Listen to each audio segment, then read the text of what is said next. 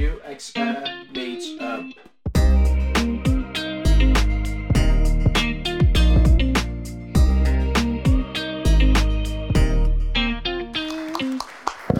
Selamlar herkese. Sesle alakalı sıkıntı var mı?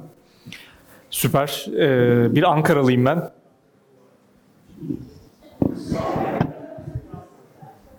Evet şu an nasıl? Güzel. Ankaralı olmama karşı bir şey var galiba. Hayatımın ilk 28 yılını bu şekilde hayatımın ilk yılını bu şekilde harcadım demeyeceğim. Bu şekilde yaşadım diyeyim. Cümleye sanki öyle girecekmişim gibi oldu. Ee, biz Ankara'da kurulduk User Spots e, olarak.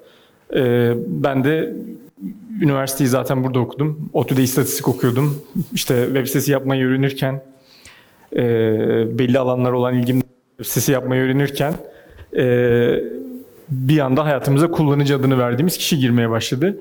E, yakın zamanda üniversitenin üniversitede bir e, şey oldu. Gördünüz mü? Rektörü protesto etti öğrenciler. E, şu an yine üniversitenin e, mekanlarından birindeyiz o yüzden çok şey yapmayalım. Hani bir şey vardı. Biz buraya her ay gelmek zorunda mıyız diye bir pankart vardı hatırlıyor musunuz? Bu benzer bir hareket de bize yaptı öğrenci arkadaşlar. Dediler ki siz o kadar kötü tasarlıyorsunuz ki her şeyi siyah çelenk bıraktılar gelip. Ders ekleme çıkarma ekranlarını hatırlayanlar var mı?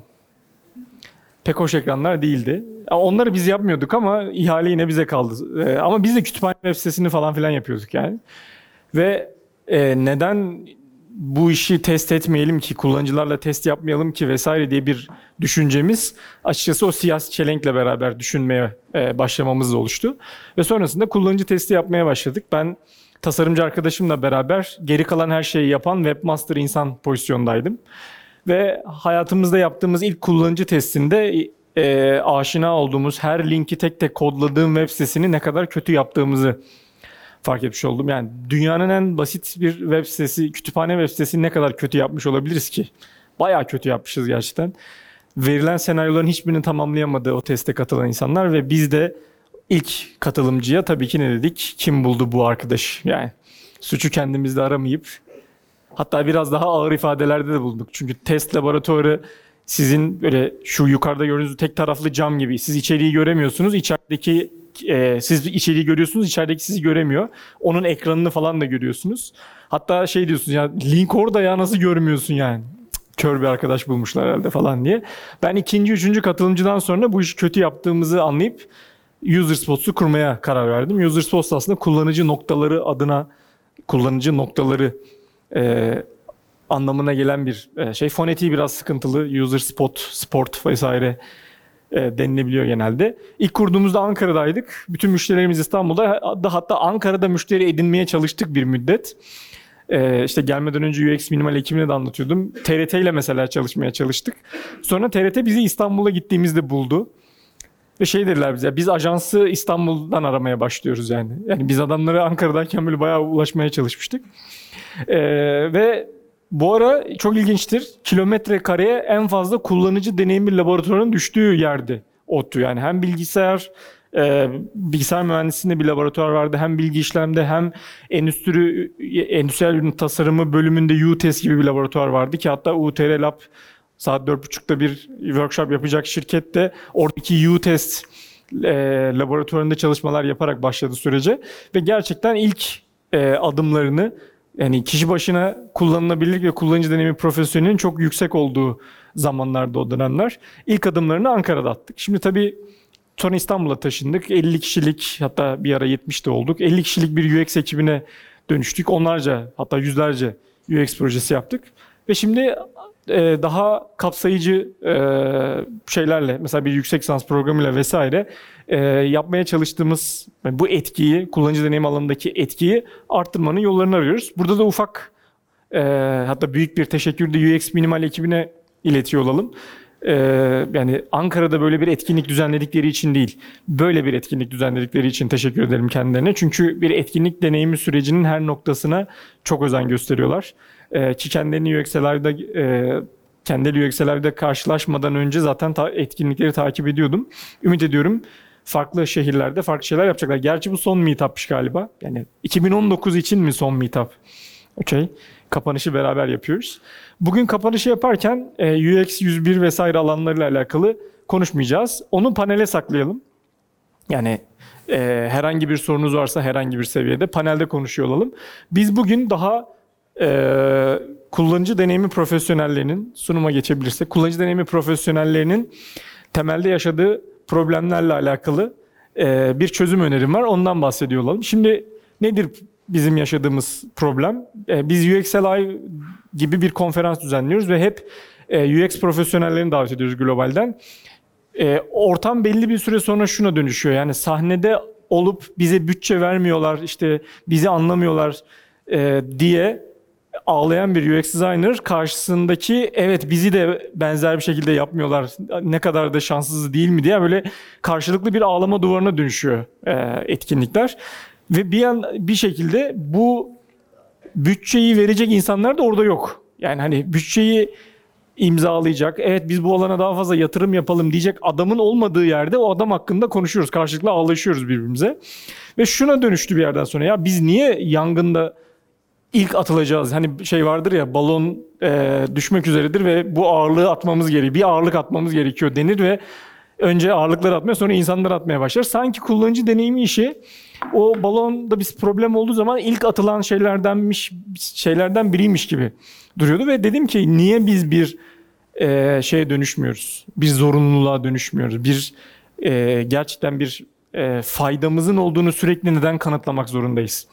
Yani neden reklam bütçesi için 1 milyon lira böyle tek bir klikle neredeyse hani hepsi buradan mouse alır gibi verilirken kullanıcı deneyimi ekibin böyle bir tane yazılım alacak 1000 dolara 10 defa sorgulanıyor. Buna ihtiyacınız var mı? Niye alıyorsunuz bunu? 1000 dolar ya. Orada reklama sen onun 10 katını 100 katını böyle tek sorgu şey olmadan verdin. Ve dedim ki acaba bir merkeze e, merkezde vazgeçilmez olmanın bir yöntemini bulsak bir rating ekonomisinden bahsedeceğim size. Üç tane chapter'dan bahsedeceğim. Biri alıp satan, e, pazara can veren, al, alıcının, vericinin olduğu aslında bütün e, ekonomilerde e, kullanabileceğimiz bir rating ekonomisi nasıl kurulabilir ve şirketler bunu nasıl kurmuşlar biraz ondan bahsedeceğim. İkinci chapter'da bunu startuplar nasıl yapabilirle alakalı önerilerim var. Üçüncü chapter'da da rating ekonomisini arayüz özelinde nasıl e, anlatabiliriz, nasıl bahsedebiliriz ondan bahsediyor olacağım. Şimdi e, aslında dediğim gibi vazgeçilmez olmamızın temel e, şeylerinden biri, noktalarından biri bizim üzerimizden bir ekonominin dönmesi olabilir. Eğer biz vazgeçilmez olabilirsek ve bu ekonomiyi bütün partilerin başarısı ya da başarısız haline getirebilirsek e, ve bu insanların yaşayıp öldükleri bir şeye dönüşürse, insanlarda davranış değişimi yaratabilirse bu ekonomi, yani ekonomi kötü gidiyorsa insanlar e, alım davranışlarını değiştirsinler. İyi gidiyorsa farklı şeyler yapsınlar. Anlık takip edelim doların çıkıp yükseldiği gibi. Yani şu sıralarda bilmiyorum takip ediyor musunuz? Son bir yılımız dolar e, kaç oldu, kaç olacak e, şeyleriyle doldu ve aynı zamanda finans üzerine çekilen YouTube videoları e, minimum 100 bin şey yani aranızdan herhangi biri dolar 7,5 olacak diye bir YouTube videosu çeksin minimum 100, 100 bin izlenmesi var yani. E, ben de diyorum ki bir rating ekonomisi oluşturalım ve bu oluşturduğumuz rating ekonomisi insanların yaşamlarına dokunsunlar. E, dokunsun, onların yaşamını değiştirsin. İçinde bir ödül sistemi olmasa bile ki olsun, olmasa bile insanların davranışını değiştirsin. E, bunu yapan, bu bölümü Black Mirror'ın bu bölümünü seyreden varsa herkesin birbirini rate ettiği bir dünya var bu e, şeyde. Üçüncü sezon birinci bölümmüş galiba. Yine sabah e, kahvaltıda konuşurken. 4.2 ile başladı hayatına ve sonra başına gelen olaylardan sonra reytinginin düşmesi e, sebebiyle bambaşka bir e, hayatı oluştu. Bunu fizikselde yapan e, insanlar var. Hatta ülkeler var. Bunlardan biri Çin. Şu an Çin'in bir şehrinde e, ki birazdan bir TRT videosu seyrediyor olacağız. E, Çin'in bir şehrinde insanların 100 puandan başlayan sosyal kredi puanları var ve siz güzel şeyler yaparsanız puanınız artıyor. Kötü şeyler yaparsanız ya da kötü şeyler yapan arkadaşlara sahip olmanız da e, puanınızın düşmesine sebep oluyor. Puanınız düşüyor. Yüksek puanlarınız varsa güzel şeylere sahip oluyorsunuz. Düşük puanlarınız varsa burada biraz insan haklarına aykırı olaylar dönebiliyor. Bir, bir yerden bir yere gitmeniz engellenebiliyor. Gerçekten ya da gitmeniz engellenmiyor da gidiş aracınız engelleniyor. Mesela uçağa bineceksiniz diyorlar ki bu işte 80 puanın altındakiler bu uçağa binemez. Alternatifiniz 48 saat arabayla gitmeniz. Gitmiyorsun zaten yani bir şekilde sizi engellemiş oluyorlar. Video izleyelim. This episode of Black Mirror scared us all to death by taking social media too far. I see there's one standby seat on another plane leaving tonight. Ah, Um, that's reserved for members of our Prime Flight program. You got to be a 4.2 or over to qualify. Oh, I'm I'm a 4.2. People are scored out of five by everyone they interact with, and their public rating determines where they can live, who they can date, and how they travel. no! But, but you invited me. The guest list. They are all like 4 5 or above. They are going to freak at a 2 6. But this is just fantasy, right? Not in China. The government is building a social credit system to rate the trustworthiness of 1.4 billion people. There are plans to roll out the system by 2020, but it's already happening in Suzhou City. So, how does it work? Every citizen starts with 100 points linked to their ID card or social media. If you do something good, like volunteer at a charity, recycle trash, donate blood, or send positive energy messages on social media about the country, your score goes up. If you do something bad, like jaywalk, cancel a reservation, leave a dishonest review, or you are even friends with someone with a low rating on social media, your score drops. In order to restore calm, I'm invoking my authority as airport security to dock you one full ranking point as a punitive measure. This is a temporary measure. High scoring citizens may get free gym memberships, cheaper public transport, and shorter wait times in hospitals. Low scoring citizens may have travel restrictions, slower internet speeds, and restricted access to restaurants. Is this Black Mirror nightmare becoming a reality in China? Evet dediğim gibi insan haklarına aykırı olan bazı travel restriction'ları falan olmasa fena sistem değil aslında. Yani herkesin herkesi rate edebildiği. Ee, böyle bir sistem Uber'de de var arkadaşlar. Şimdi Uber'de e, biz e, daha bu puanlamayı, bu arada şoförlerin puanları var, biz müşterilerin de puanları var.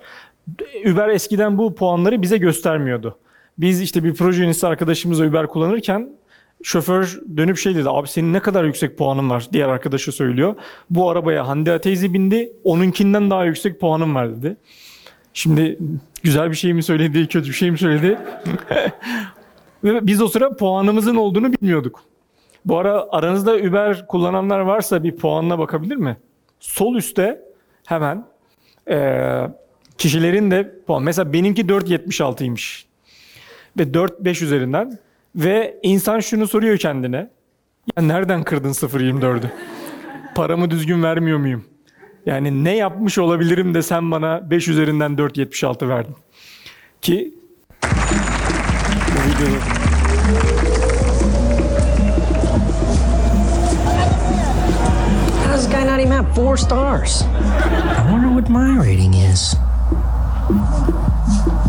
How the f- am I at 3.9? 9 bakın loser bir puana dönüştü artık. Yani bu arayı normalde Türkiye eğitim sisteminde 78 falan alıyorsunuz değil mi? Yok pardon 78 mi alıyorsunuz? 30. Aynen 78 aldığınız puan internette 5 üzerinden 4 alamadığınız için kötü bir puanınızın olduğu anlamına geliyor. Şimdi Uber bu ekonomiyi kurmuş aslında. Bu ekonomi şunu diyor. Siz puanınızı görüyorsunuz ve aynı zamanda Uber'de şoförü puanlıyorsunuz. Siz puanınızı gördüğünüz yere girdiğinizde size Uber diyor ki bu puan sistemi benim şoförle senin arandaki ilişkiyi kontrol etmek, daha iyi noktaya getirmek için kurduğum bir sistem. Ve size şunu söylemiyor. Sen 5 olursan sana şunu söyleyeceğim yani şunu yapacağım, daha iyi araba göndereceğim, daha iyi şoför göndereceğim demiyor. Herhangi bir vaadi yok. Ama diyor ki 5 yıldız almak istiyorsan şoförü bekletme. İşte şoförle diyalog kur. Sana bazı tavsiyelerde bulunuyor. Şimdi ben bunu gördükten sonra her araca bindiğimde şoföre hal hatır sormaya başladım. Nasılsın abi? Nasıl gidiyor? İşte ya işte polisler, taksiler falan filan. Hatta şey diyorum ya adam fazla mı konuşuyorum şu an? Yani o yüzden de puanımı kırıyor olabilir mi? Yani eğer burada takım elbise giy deseydi belki oturup takım elbise giyerek artık Uber kullanmaya başlayacak. Mi? Yani sırf 5 yıldız alabilmek için. Çünkü insan kendisine bunu soruyor yani. Neden 0.24'ü nereden kırdın? Ki bu büyük ihtimalle birçok insan Kaf şey yaptı. 5 yıldızlı bir Uber müşterisi nasıl olabilirsin? Onun tavsiyeleri de şunlar. Diyalog kur yine konuş. Yani insan ol. E, karışma. E, tip ver. Bir de Uber'de. Sen de 5 yıldız ver. Bakın karşılıklı 5 yıldız verme üzerinden bir ekonomi kurmaya başladı. Aslında Uber'in e, müşteriler tarafında bir şu ana kadar bir yaptırım yok. Yani 4 yıldız alırsanız ne olur vesaire kısmı yok. Ama e, şoförler tarafındaki birazdan bir skala göreceğiz. Şoförler tarafındaki skalası şu 4.6'nın altına düşerseniz e, düşerse şoför 60 gün veriyorlar ona ya da 90 gün veriyorlar. Bunu düzeltmen için bak insanlar sana şuradan şey yapıyorlar. İşte arabanın temiz olmadığını düşünüyorlar. O yüzden sabahları şunu yap vesaire diye doğrudan tavsiye veriyorlar. Yani alıcıyla satıcı arasında siz göremediğiniz için Uber'i alıcıyla satıcının ilişkisini kontrol etmeye çalışıyor. Ve bu gerçekten bunu bir yıldız üzerinden yaptığında hepimiz e, sırf o daha güzel yıldız alabilmek için daha iyi insanlara dönüşüyoruz. Şimdi bir gün İstanbul'a akrabalar falan geldi. Uber kullanıyoruz bir yerden bir yere gideceğiz. Arkada e, şey dedi arkadaş ya burası çok sıcak falan dedi. Sonra ya çocuk terledi falan gibi bir yani cümle arasında geçiyor ama bunu. E, şoföre doğrudan söylüyorum. Üçüncüsünde ise biraz sert bir şekilde ya hocam klima yatsana bak kaçtır sana sıcak diyorum dedi.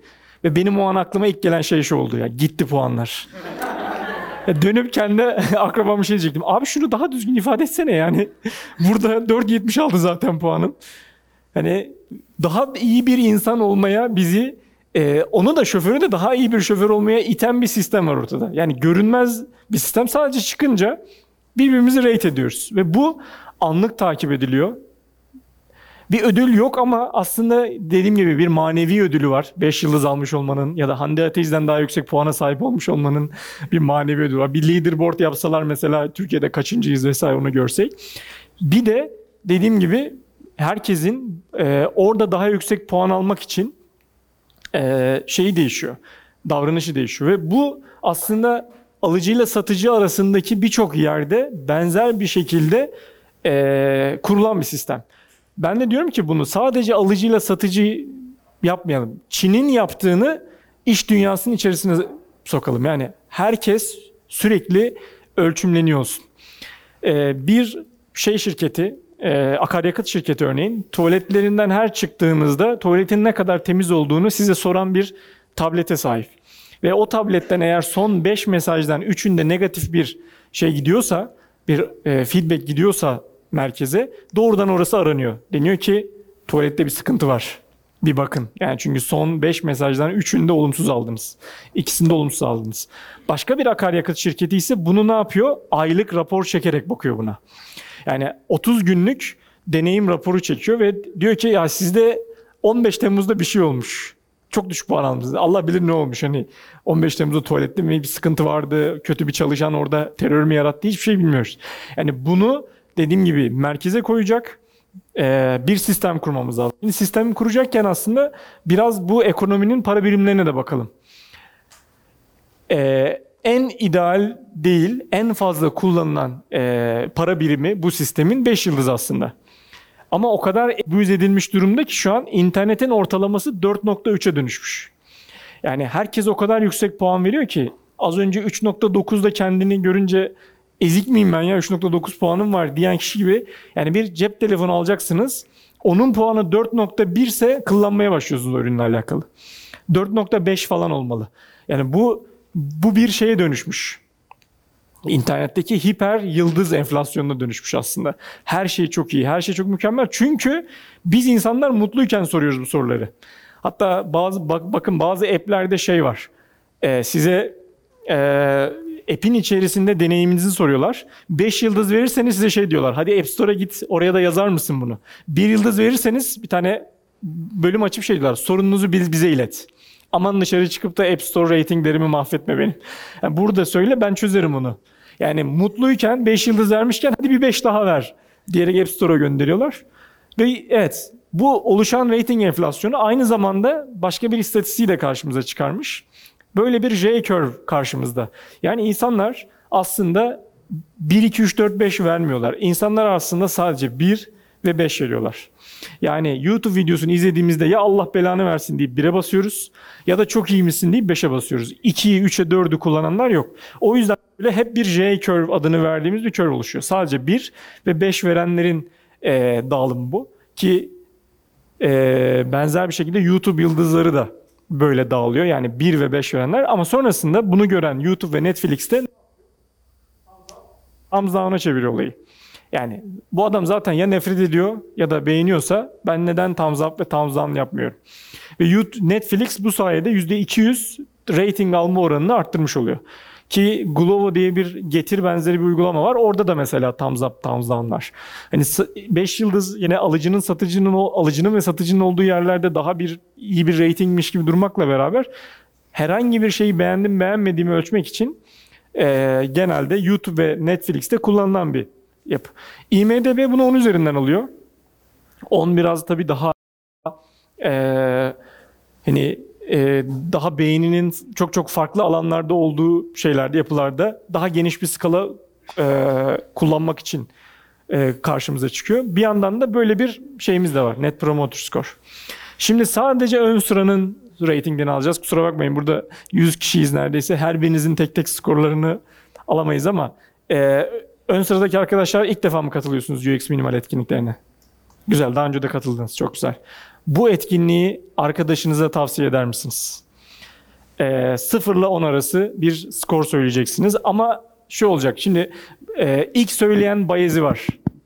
Mikrofonla mı devam? Evet. İlk söyleyen bayezi. Mesela ilk söyleyen 7 dedi mi geri kalan herkes 7 diyor. O yüzden 10'ar saniye düşünelim. Tamam. Herkes kafasındaki kafasındaki skoru belirlesin. Arkadaşlar da arkada not alıyorlar. Kim kim 3 verdi, kim 5 verdi diye. Rahat olun ama. evet, UX minimal etkinliğini arkadaşınıza tavsiye eder misiniz? Buyurun. 10 üzerinden, ya 0 10. 0 kesinlikle etmem. 10 kesinlikle ederim. 8. 8, 10. 10, 10. 10. 10. Orada bir bayez oldu hemen. 9. 9, Ben de 10 veririm. 10, 9. 9, 8. 8. Okey. Kaç kişi oldu? 2, 4, 7, 8. Tamam. 8 kişiden 6'sı 9 ve 10 üzeri puanlar verdi. Şimdi Net Promoter Score şöyle hesaplanıyor. 9 ve 10 verenler eksi 0, 1, 2, 3, 4, 5, 6 verenler. Yani 9 ve 10 verenler senin promoterların. Diyor ki kesin git.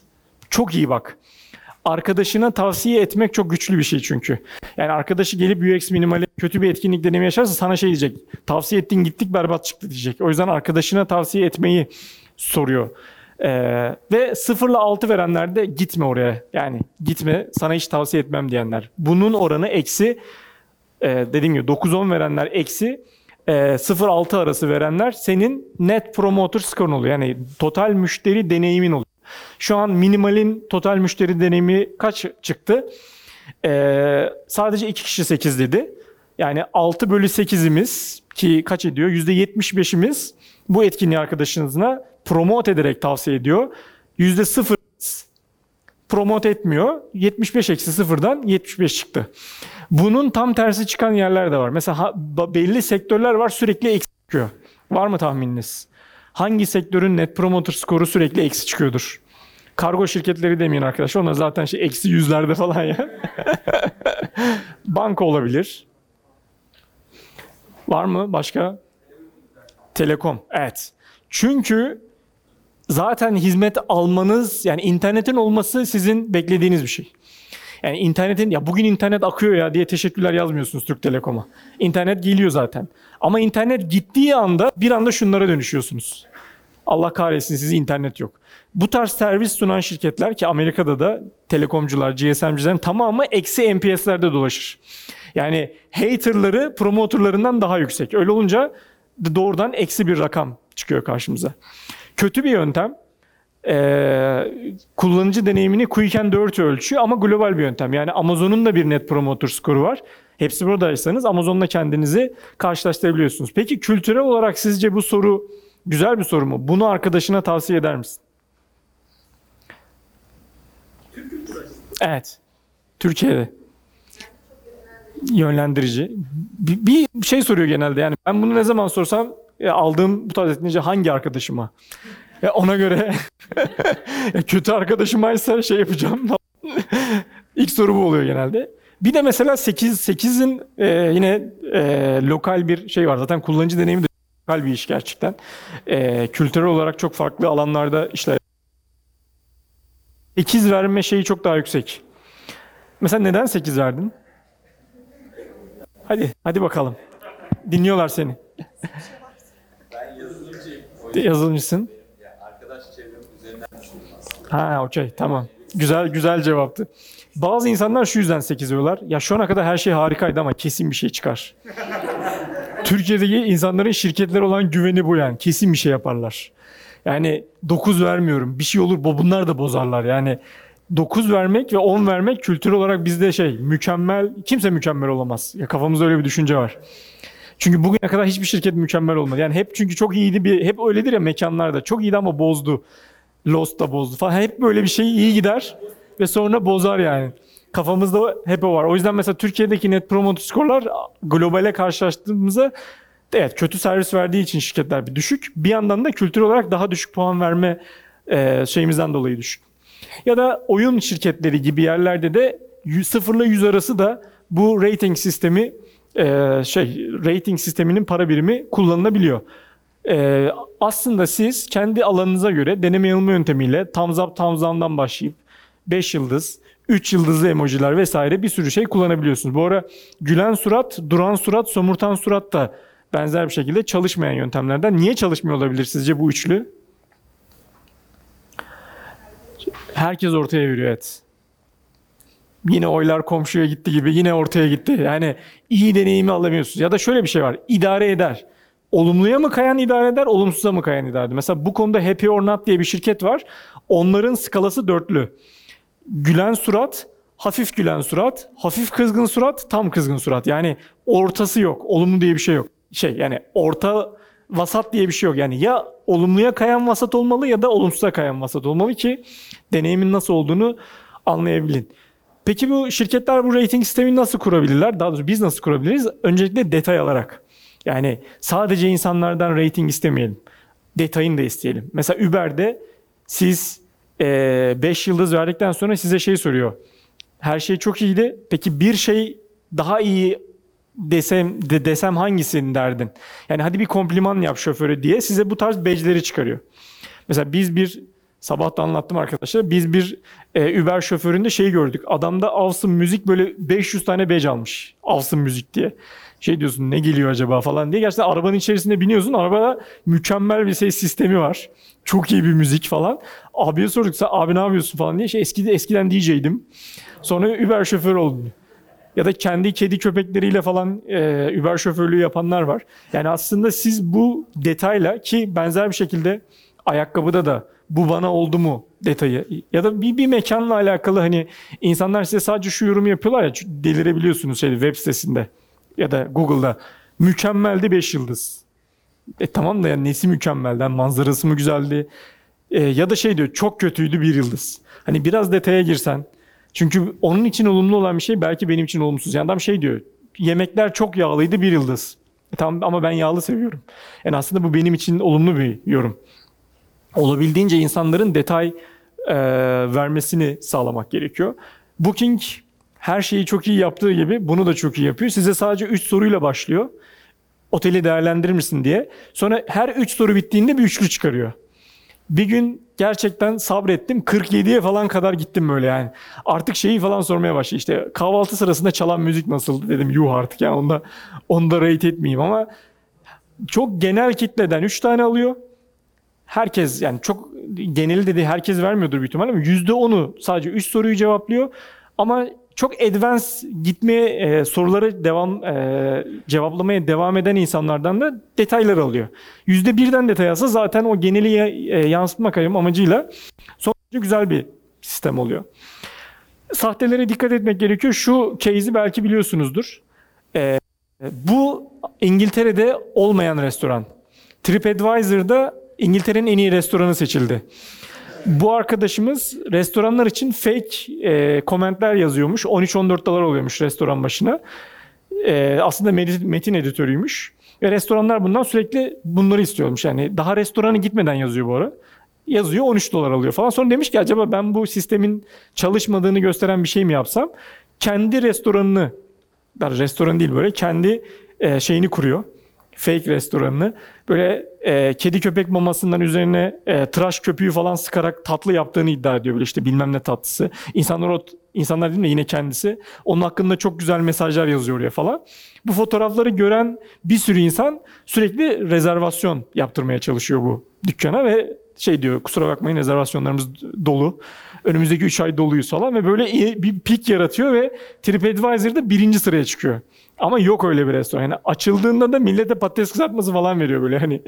Ama insanlar hala şeyin peşindeler. Çünkü o puanları çok yüksek ya. Gelip o patates kızartmasını bile Instagram'da güzel güzel paylaşmaya çalışıyor insanlar. Sistemin yani bir yıldız verenler yüzde kaçı beş yıldız verenler. Dediğim gibi bir ekonomi yaratmaya çalışıyoruz.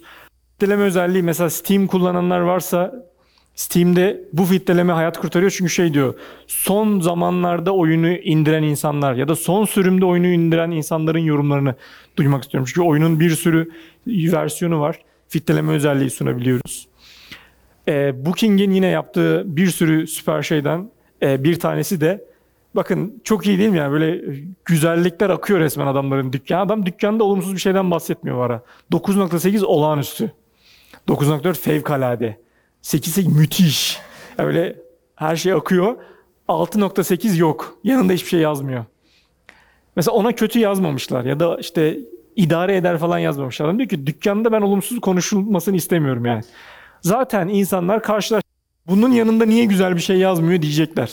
Bir daha niye rencide edeyim ben onu hani kötü vesaire diyerek. Booking'in aslında dediğim gibi bir de hepimizi satın almaya ikna etme süreci var ya sadece datayı kullanarak. Onlar ratingleri değil daha çok ratingleri değil veriyi ikna etme amacı olarak kullan- kullanıyorlar. Başta ratingi sonra kullanıyorlar. Kullandıkları istatistik ne? Diyor ki son rezervasyon 14 dakika önce. Şu an buna 42 kişi bakıyor. E, son iki oda var. E, ve bu dönemlerde alabileceğiniz en iyi fiyat bu. Şimdi bunların hepsi insan beyninde şey yaratıyor. İşte bu sorunun geleceğine emindim. Şirketlere güvenmiyoruz dedim ya, dataya da güvenmiyoruz genelde. Booking manipüle etmiyor. Etmiyor. Yani siz rezervasyon yaptırın, sizin rezervasyonunuzu ha şöyle manipüle ediyor. Mesela son iki oda diyor ya, aslında zaten otelin 100 tane odası var, onunu Booking'e ayırmış, 8'i satılmış. Yani oradaki son iki oda belki de o geri kalan 90'da 45 tane daha boş yer var. Ama o kendisine ayrılan onun son ikisini şey yaptığı için belki böyle biraz manipüle ediyor olabilir. Ee, bu arada Booking otellerin manipüle etmesini olabildiğince engellemeye çalışıyor. Şimdi bir yapay zeka şey yapmışlar. Otelin yüklediği fotoğrafla tagleri karşılaştırıyor. Ya diyor ki sen denize sıfır dedin. Fotoğraflarda deniz meniz yok yani hani. büyük ihtimalle denize sıfır değil. Ee, Amazon'u mesela fiziki mağazasını düşününce Amazon yapıyor ya. Yani ne kadar dijitalleşeceğini vesaire düşünüyorsunuz değil mi? Amazon ki gerçi kendileri hani kasiyersiz bir mağaza yaptılar. Ama bir tane de kitapçı açtılar. Amazon Bookstore diye ve kitapçılarında dijital ekranlar yoktu. Çok fazla fiziksel doneleri vardı ve bu e, her kitabın altına en fazla beğenilen yorumu öne çıkardıkları bir e, şey. Onları print alıyorlar ve print alıp her kitabın altına bunu basıyorlar. Recommendation Engine'i de fiziki olarak şöyle yapmışlar. Bir tane kağıt var. Kağıtta iki tane ok var. Bunu okuyan bunu da okudu diye. O kağıdı iki tane kitap arasına koyuyorlar. Tak Recommendation Engine oluşuyor. Bunu alan bunu da aldı. Buradan şey yapıyorsunuz. Yani Amazon olunca hani bir, bir dijitalle ilgilenen bir sürü arkadaşımız var ya burada. Her şeyi dijitalle çözmeye çalışmak gibi bir düşünce içerisine gelebiliyorsunuz. Oysa adamlar dünyanın en büyük dijital storeları ve onlar fiziksel mağazasında hala fiziksel dünyada da kullanıyor bunu. Ve bunu hemen toplamak gerekiyor ee, anda. Yani uçuşla alakalı bir problemi varsa adam o iniş anında kusmak istiyor gerçekten yani. Çünkü bir saat sonra unutacak. Ama o kötü deneyim kendisinde kalacağı için bir daha senin şeyini kullanmayacak e, hava yolunu. O yüzden biz mesela bir hava, hava yolu şirketi için bir diyerek hani hiç renklerden de anlamadınız. Yani pilotu, hostesi her şeyi ölçebildiğiniz bir rating sistemi. Ya pilotu da ölçebilelim değil mi ya? ya? Çok sallandık yani sonuçta. Belki kendisiyle alakalı bir durum yoktu ama bir ratinglere baksalar belki inişle alakalı problemi var yani. Daha güzel indirsin. Ve bunu merkeze koymak gerekiyor. Şimdi bu sistem dediğim gibi alanın, satanın ve birçok partinin olduğu yerlerde eee, bir şey, temel bir ölçüm sisteminden bahsediyoruz. Peki Chapter 2'ye geçelim. Daha ortada bunun çalışıp çalışmadığını bilmediğimiz bir dünya varsa ne yapacağız? Yani daha bizim fikrimiz çalışacak mı çalışmayacak mı bilmiyoruz. O zaman nasıl bir rating sistemi ölçeriz? Aslında o zaman ölçümü başa başka şekillerde koymamız gereken noktalar var. Bunlardan ilki önce doğru ürünü yapıp yapmadığımızı ölçüyoruz. İkincisi sonrasında bizi mese götürecek kitleleri bulup bulmadığımızı ölçüyoruz. Bundan sonra artık bizim e, az önce bahsettiğim gibi bir rating sistemini merkezimize koyuyoruz. Şimdi doğru ürünü yapmak ne demek? E, eskiden nasıl ürün geliştiriyorduk? Biz mesela bonus flash'ı tasarladık. Şöyle bir tasarım süreci oldu. Biz 4 ay boyunca tasarladık. Ee, yazılım ekibi de 8-9 ay boyunca kodladı. Ve yaklaşık 13-14 ay süren bir yazılım ve tasarım sürecinin sonunda projeye başladığımız an T eşittir 0 anında yenilikçi olan proje bu 14 ayda iki tane iPhone kaçırdı. Yeni iPhone'lar geldi. Force Touch gibi yeni özellikler geldi. Android'in de tasarım dilini kaçırdı. Android o sıra Material Design diye yeni bir tasarım dili getirdi. Yani biz yaptığımız ilk anda oha ne güzel yepyeni bir şey yaptık dediğimizde çıktığı anda şey oldu. İlk gelenler Force Touch'la kullanılmıyor. Ya teşekkürler kullanılmıyor ama çünkü 13 ay boyunca bununla uğraştık. Ama biz daha az bir efor sarf edip daha MVP yapısıyla çıkıp sonrasında onun üzerine özellikleri geliştiren bir dünya ya gidiyor olsaydık eğer o zaman daha mantıklı, daha eforumuzu doğru harcadığımız bir ürün geliştirme süreci olacaktı bu. Şimdi doğru ürünü yapmakla alakalı aslında şu görsel belki bize biraz daha şey anlatabilir. Ee, geleneksel UX süreci az önce bahsettiğim gibi bir tasarım zamanı verir size. Der ki al sana 4 ay. Sen burada kullanıcı araştırmanı yap. Her türlü işte testini yap. E, etkileşim tasarımını yap ve sen bu 4 ay sonrasında ürünü bitir ve hayatına devam et. E, ve biz kodlayalım. Yani tasarım ekibi sonra yeni projeleri yelken alsın. Sonra yazılım ekipleri agile çalışmaya başladı. İşi mikro parçalara böldü. Onu sprintlere e, yedirdi ve o sprintlerde her bir sprintte da her iki sprintte bir ortaya bir çıktı çıkartmaya çalıştı. Şimdi Lean UX ise şunu söylüyor. Bu ürünü gerçekten yapmalı mıyım? Ya bu fonksiyonu gerçekten eklemeli miyim? Şimdi Envato Elements diye bir tool var. Ee, sizin bir sürü e, grafik fotoğraf, template vesaire bulabildiğiniz, aylık subscription bulabildiğiniz bir e, şey bu. E, platform. Template'leri satıyor normalde Envato. Aylık 29 dolara da bu template'lerden seçkilere sınırsız erişiminiz var. Sketch plugin'i yapmışlar. Şu an sadece bin tane UI elementine ya da template'ine ulaşıyorsunuz. Bir tane de orada şey var. Fotoğraflar diye bir bölüm var. Bastığınızda şey çıkıyor. Teşekkürler biz bunu daha yapmadık ama yapmak için sizden feedback almak isteriz. Burada sizce Envato neyi ölçmek istiyor? Sketch plugin'deki fotoğraflar bölümüyle ilgi var mı? Birileri tıklayacak mı? Birileri tıklayacak mı bunu? Bakın Glovo, Glovo diye bir şirket dediğim gibi herhangi bir şeyi bir yerden bir yere getirme şirketi Brezilya'da şunu yapıyor. Ee, Android markete boş app atıyor adamlar. Yani pizza getirdiği app yapmışlar.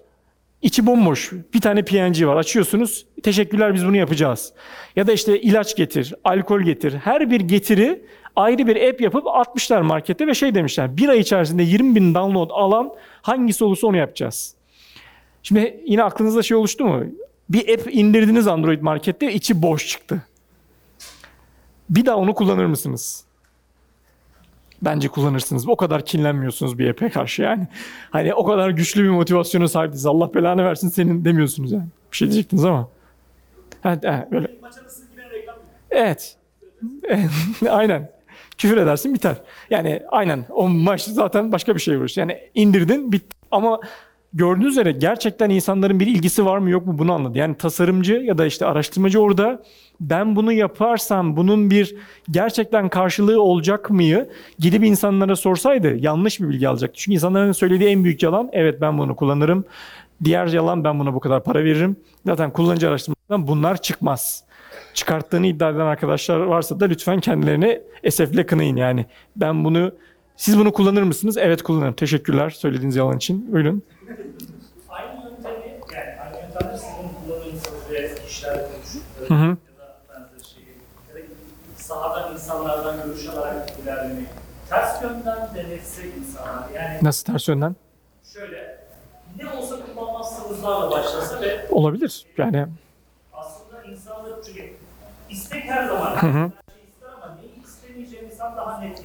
Daha net ama şöyle yani aslında tasarım tarafı şöyle yaklaşıyor. Yani insanlar neyi istediklerinin çok farkında değiller ama problemlerinin ne olduğunun farkındalar. Yani o hep klasik Henry Ford cümlesinden şey diyor ya ben insanlara sorsaydım daha hızlı at isterlerdi. E, bu şu anlama gelmiyor. İnsanlara sormayayım o zaman. E, adamlar sana söylemiş problemi hız. Yani sen onu genetik bilimine yatırım yaparak da çözebilirsin. Atı hızlandırarak. Senin tercihin. Ya da arabayı yaparak da çözebilirsin. Yani burada Henry Ford'un dediği insanlara sormayın değil aslında. İnsanlar tasarımcı değiller. Sadece neyi istediklerini bilmeyecekler. Ama sana problemlerinin ne olduğunu söyleyecekler. Ama problemin ne kadar büyük olduğunu söylerler mi? Emin değilim işte. Senin orada sezgilerinin o insanı doğru dinlemenin e, şeyi önemi ortaya çıkıyor. Yani çoraplarınızı çamaşır makinesinden çıkardığında ayıran bir app olsa ya da bir uygulama olsa buna para verir misiniz? Evet diyorsunuz. Bu kadar büyük problem mi ya? Aynı renk alın yani. bu, bu probleme para para vermiyorsunuz genelde. Ya bu problem evet çözülse güzel ama çözülmesi de hayatımda hiçbir şey olmuyor problemler. Ama trafik problemini çözen ya da günde size yarım saat kazandıran bir app'e para verir misiniz? Veriyorsunuz. Ama para verir misiniz diye sor- sorduğumda da bana doğru cevabı söylemiyorsun. Mesela bunu ölçümlemenin çok güzel yöntemleri var.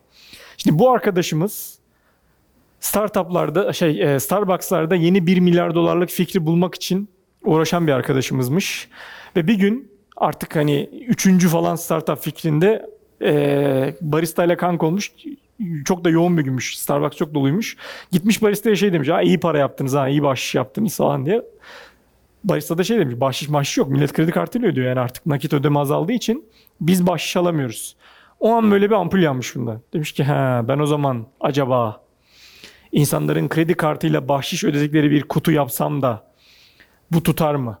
Şimdi normalde eski ürün yapma dünyasında bunu nasıl yapardık?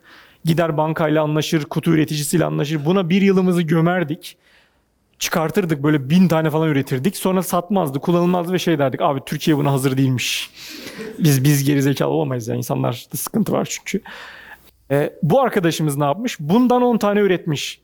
Ama içine de şey koymuş. Sadece bir tane Arduino set koymuş. O gün kaç tane kredi kartı sokulduğunu count eden bir Arduino set bu. Bunu da gitmiş Starbucks'taki arkadaşa demiş ki ya bu burada 3 gün dursa ben kaç tane kart sokulduysa sana o kadar parayı ben vereceğim. Ve insanların buna, bu arada insanlar kartlarını oraya koyduklarında gerçekten 1 dolar bahşiş verdiklerini zannediyorlar. Yani insanlar onu gerçekten çalışıyor zannediyor. Ve bakmış ki ortalama 30 tane kart konuyor bunun içine. Hemen bir para çokomel. Günde 30 dolar kazansa ben bunun %30'unu alsam bir kutudan 9 dolar ayda 250 Allah bin bereket versin ve insanlar bunu kullanır. Bakın ne oldu? İnsanlar bunu kullanır mı yerine ben artık şeyi ölçmeye başladım. Evet insanlar bunu kullanır. Ha bu beni yeni mi 1 milyar dolarlık şirket yaptı mı? Yapmadı. Çünkü bir sonraki adıma gelmemiz lazım. Mesela bir arkadaşım da Kasko 123 diye bir şirket kurarken bana gelip şey demişti ya ben valide ettim. İnsanlar internetten kasko alabilirler. Dedim nasıl valide ettin? Böyle bir tane site yapmış. TCKN, plaka, e-posta var. Bu ara bu internetten kasko o kadar satılmıyor dönemlerde. Satılmıyorken yaptığı bir şey. Hani şu an yapsanız zaten satılıyor biliyorsunuz ama bundan 5-6 yıl önce e, 100 dolar reklam verip insanları bu sayfaya düşürmüş. Kaç bunu ölçmüş. Sonra burada TCKN verenlere de fake bir teklif sayfası çıkarmış. 3 tane teklif var. İşte sizin aracınız için 1100 liralık bir kasko var, 800 liralık var, 600 liralık var. Sonra da o teklif aldaki o yani teklif al seçeneklerinden satın ala basana da şey çıkarmış. Kusura bakmayın bu site çalışmıyor. Biz sizin iletişim bilginizi aldık. Açıldığında haber vereceğiz. 1100 dolar harcayıp 1000 kişi getiriyor. Bunlardan 600'ü gerçekten TCKN veriyor. 600'den 200'ü satın al butonuna basıyor. Şimdi internette 200 butona bastırırsanız, sepete attırırsanız sepetin tamamlama oranı %2'dir. Yani 4 tane kasko satarsınız. 100 dolar para harcarsınız, 4 tane kasko satarsınız bu modele göre. Yine para çok omel. Tamam tutar bu iş. O zaman dolar böyle değildi yani. Dolar böyle olmadığı için Google AdWords reklamları da ucuzdu. Evet bu iş yapılabilirmiş. Yani artık tasarımcının ilk başta ölçeceği şey bunu yapalım mı yapmayalım mı validasyonu oluyor. Sonrasında yine tasarımcının devreye girdiği bir diğer nokta bizi mass kitleye götürecek bir şey var. Hiçbir teknoloji mass kitleden başlamıyor. İlginçtir sadece TikTok böyle başladı. Yani Türkiye'de TikTok mass'ten girdi. Yani, yani bir anda annemiz babamız TikTok kullanmaya başladı ama onun haricinde genelde şöyle olur. Ki iPhone'da falan da böyle oldu. Yani öncelikle her çıkan telefonu alan, her drone'a muruna para yatıran arkadaşlarımız var. Onlar innovatorlar. Onlar her şeyi alıyorlar. Onlar sürekli bir şeyler deniyorlar. Ki bu sadece teknolojik ürünlerle düşünmeyin. Yani annelerimizin de böyle böyle bir grafiği var gerçekten. Bazı anneler yeni çıkan ürünleri, yeni yemekleri sürekli deneyen anneler. Bazıları gelenekselci anneler. Diğerleri bir kullansın ölmezlerse ben de yapacağım anneleri. İlk çıktığında eee, ne diye dalga geçiyorlardı? Steve Ballmer, Microsoft CEO'su diyordu ki ya bizim telefonlarımız daha ucuz ve de klavyesi var yani. O özelliğe bak yani. Ya da BlackBerry şey diyordu yani bu telefonlar alırlarsa bizim telefonumuzun daha iyi olduğunu e, anlayacakları için bizim satışlarımız artacak falan diyorlardı. Yani iPhone daha iPhone değilken sıraya giren adamlar var. Onlar giriyorlar, kullanıyorlar. Sonrasında ee, onun elinde görüp de Aa, ne güzelmiş bu diyen bizler varız. Sonrasında biz de artık kullanmaya başladığımızda annemiz babamız devreye giriyor. Yani teknolojinin yayılma şeyi bu şekilde. Hatta bununla alakalı deniyor ki şurayı atlayan ürünler MES'e gidebilirler. Yani sen bunu yapmaya gerçekten fayda var mıyı kanıtladın. Sonra ilk müşteri gruplarına, ilk o senin için değerli olan öyle adaptörleri buldun. Artık ondan sonrasında MES'e gideceksin. Şimdi biraz yine beyin fırtınası yapalım. Türkiye'de online psikolog hizmeti e, alabildiğiniz bir app olsa bunun öyle adaptörleri kimler olur? App üzerinden psikolog hizmeti alıyorsunuz. Yani danışmanlığını al- alıyorsunuz diyorsun, diyorum yani. Böyle psikologları görüyorsunuz, fiyatlarını görüyorsunuz, abone oluyorsunuz. Bu app'i kim kullanır? Psikologlar kullanır. Başka? Ama müşteri tarafını düşünelim. E, psikologlar rakip analiz yapmak için kullanıyor olabilirler belki. Yani Başka? Beyaz yakalı. Okey olabilir. Başka? Var mı? Üniversite hazırlık öğrencisi. Zorlu bir hazırlık süreci. Okey başka? Şimdi iki tane öyle adapter grup bulmuş arkadaşlar. Zaman hızlanıyoruz. İki tane öyle adapter grup bulmuş. Bunlardan birincisi çocuğun normal mi anneleri? Ee, şimdi yaklaşık 4 aydır benim de çocuğum var ve gerçekten çok ihtiyaç var. Yani çocuk bir şey yapıyor diyorsunuz ki lan bu normal mi acaba? Yani şu an e, çocuktan bir ses çıkıyor zannediyorsunuz ki şu an ölmek üzere falan ya boğuluyor falan ama birine şey demeniz lazım. Ya da e, çocuk uyumuyor e, yani ya da ortalama 4 saat uyuyor ve şey diyorsunuz acaba bu normal mi? Zaten bütün çocuk kitapları şöyle anlatıyor işte çocuklar ortalama 16 saat uyur. Bu bazılarının 10 bazılarının da 23 saat uyuyacağı anlamına gelir. Çocuğunuz 10 saat uyuyorsa da 23 saat uyuyorsa da normaldir. Rahat olun. Diyor ikinci grupta eee Doğu Anadolu ve Güneydoğu Anadolu bölgesinde şey yapan, görev yapan devlet memurları. Yani kısıtlı sosyal hayatları var ve bir online danışmanlık hizmeti almak istiyorlar. Yani büyüme sürecinde bu öyle adaptörler sizi MES'e götürecek gruplar. Onları yakalamanız sonrasında bir ölçüm sistemi kurmanız gerekiyor. Vaktim az kaldığı için hızlanalım.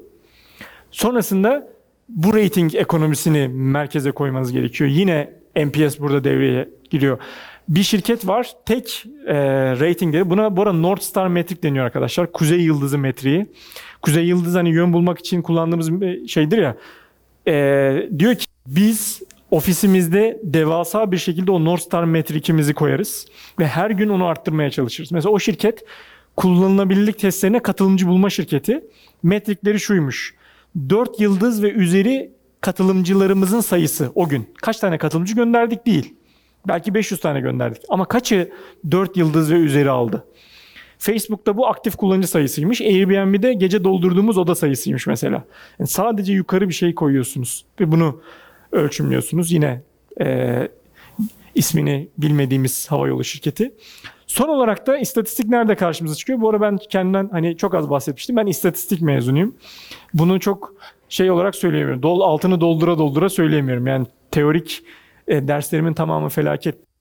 O yüzden yani ben istatistikçiyim diyemem. Dersem bölüm arkadaşlarım gülmek için çok farklı e, organlarını kullanabilirler. Ama istatistikle arayüzün etkileştiği bir yer varmış. Onu da hani dedim keşfettim. Bu da kullanılabilirmiş. Yani bir şeyin ne kadar kolay kullanıldığının rakamsal bir karşılığı varmış. Usability tanımı bize aslında bunu söylüyormuş. Da farkında değil. Neymiş? Nedir usability tanımı? Bir ürünün potansiyel kullanıcı tarafından kullanım bağlamı yani bir ATM ise o fiziki mekan, bir mobil uygulama ise bu adam tuvalette kullanacak, yatakta kullanacak, yürürken kullanacak. Ee, o senaryoları yani sizin o uygulamada yapmalarını istediğiniz senaryoları ne derece etkin, verimli ve tatmin edici bir şekilde yapabiliyorlar. Şimdi bunu istatistikleri çıkaralım.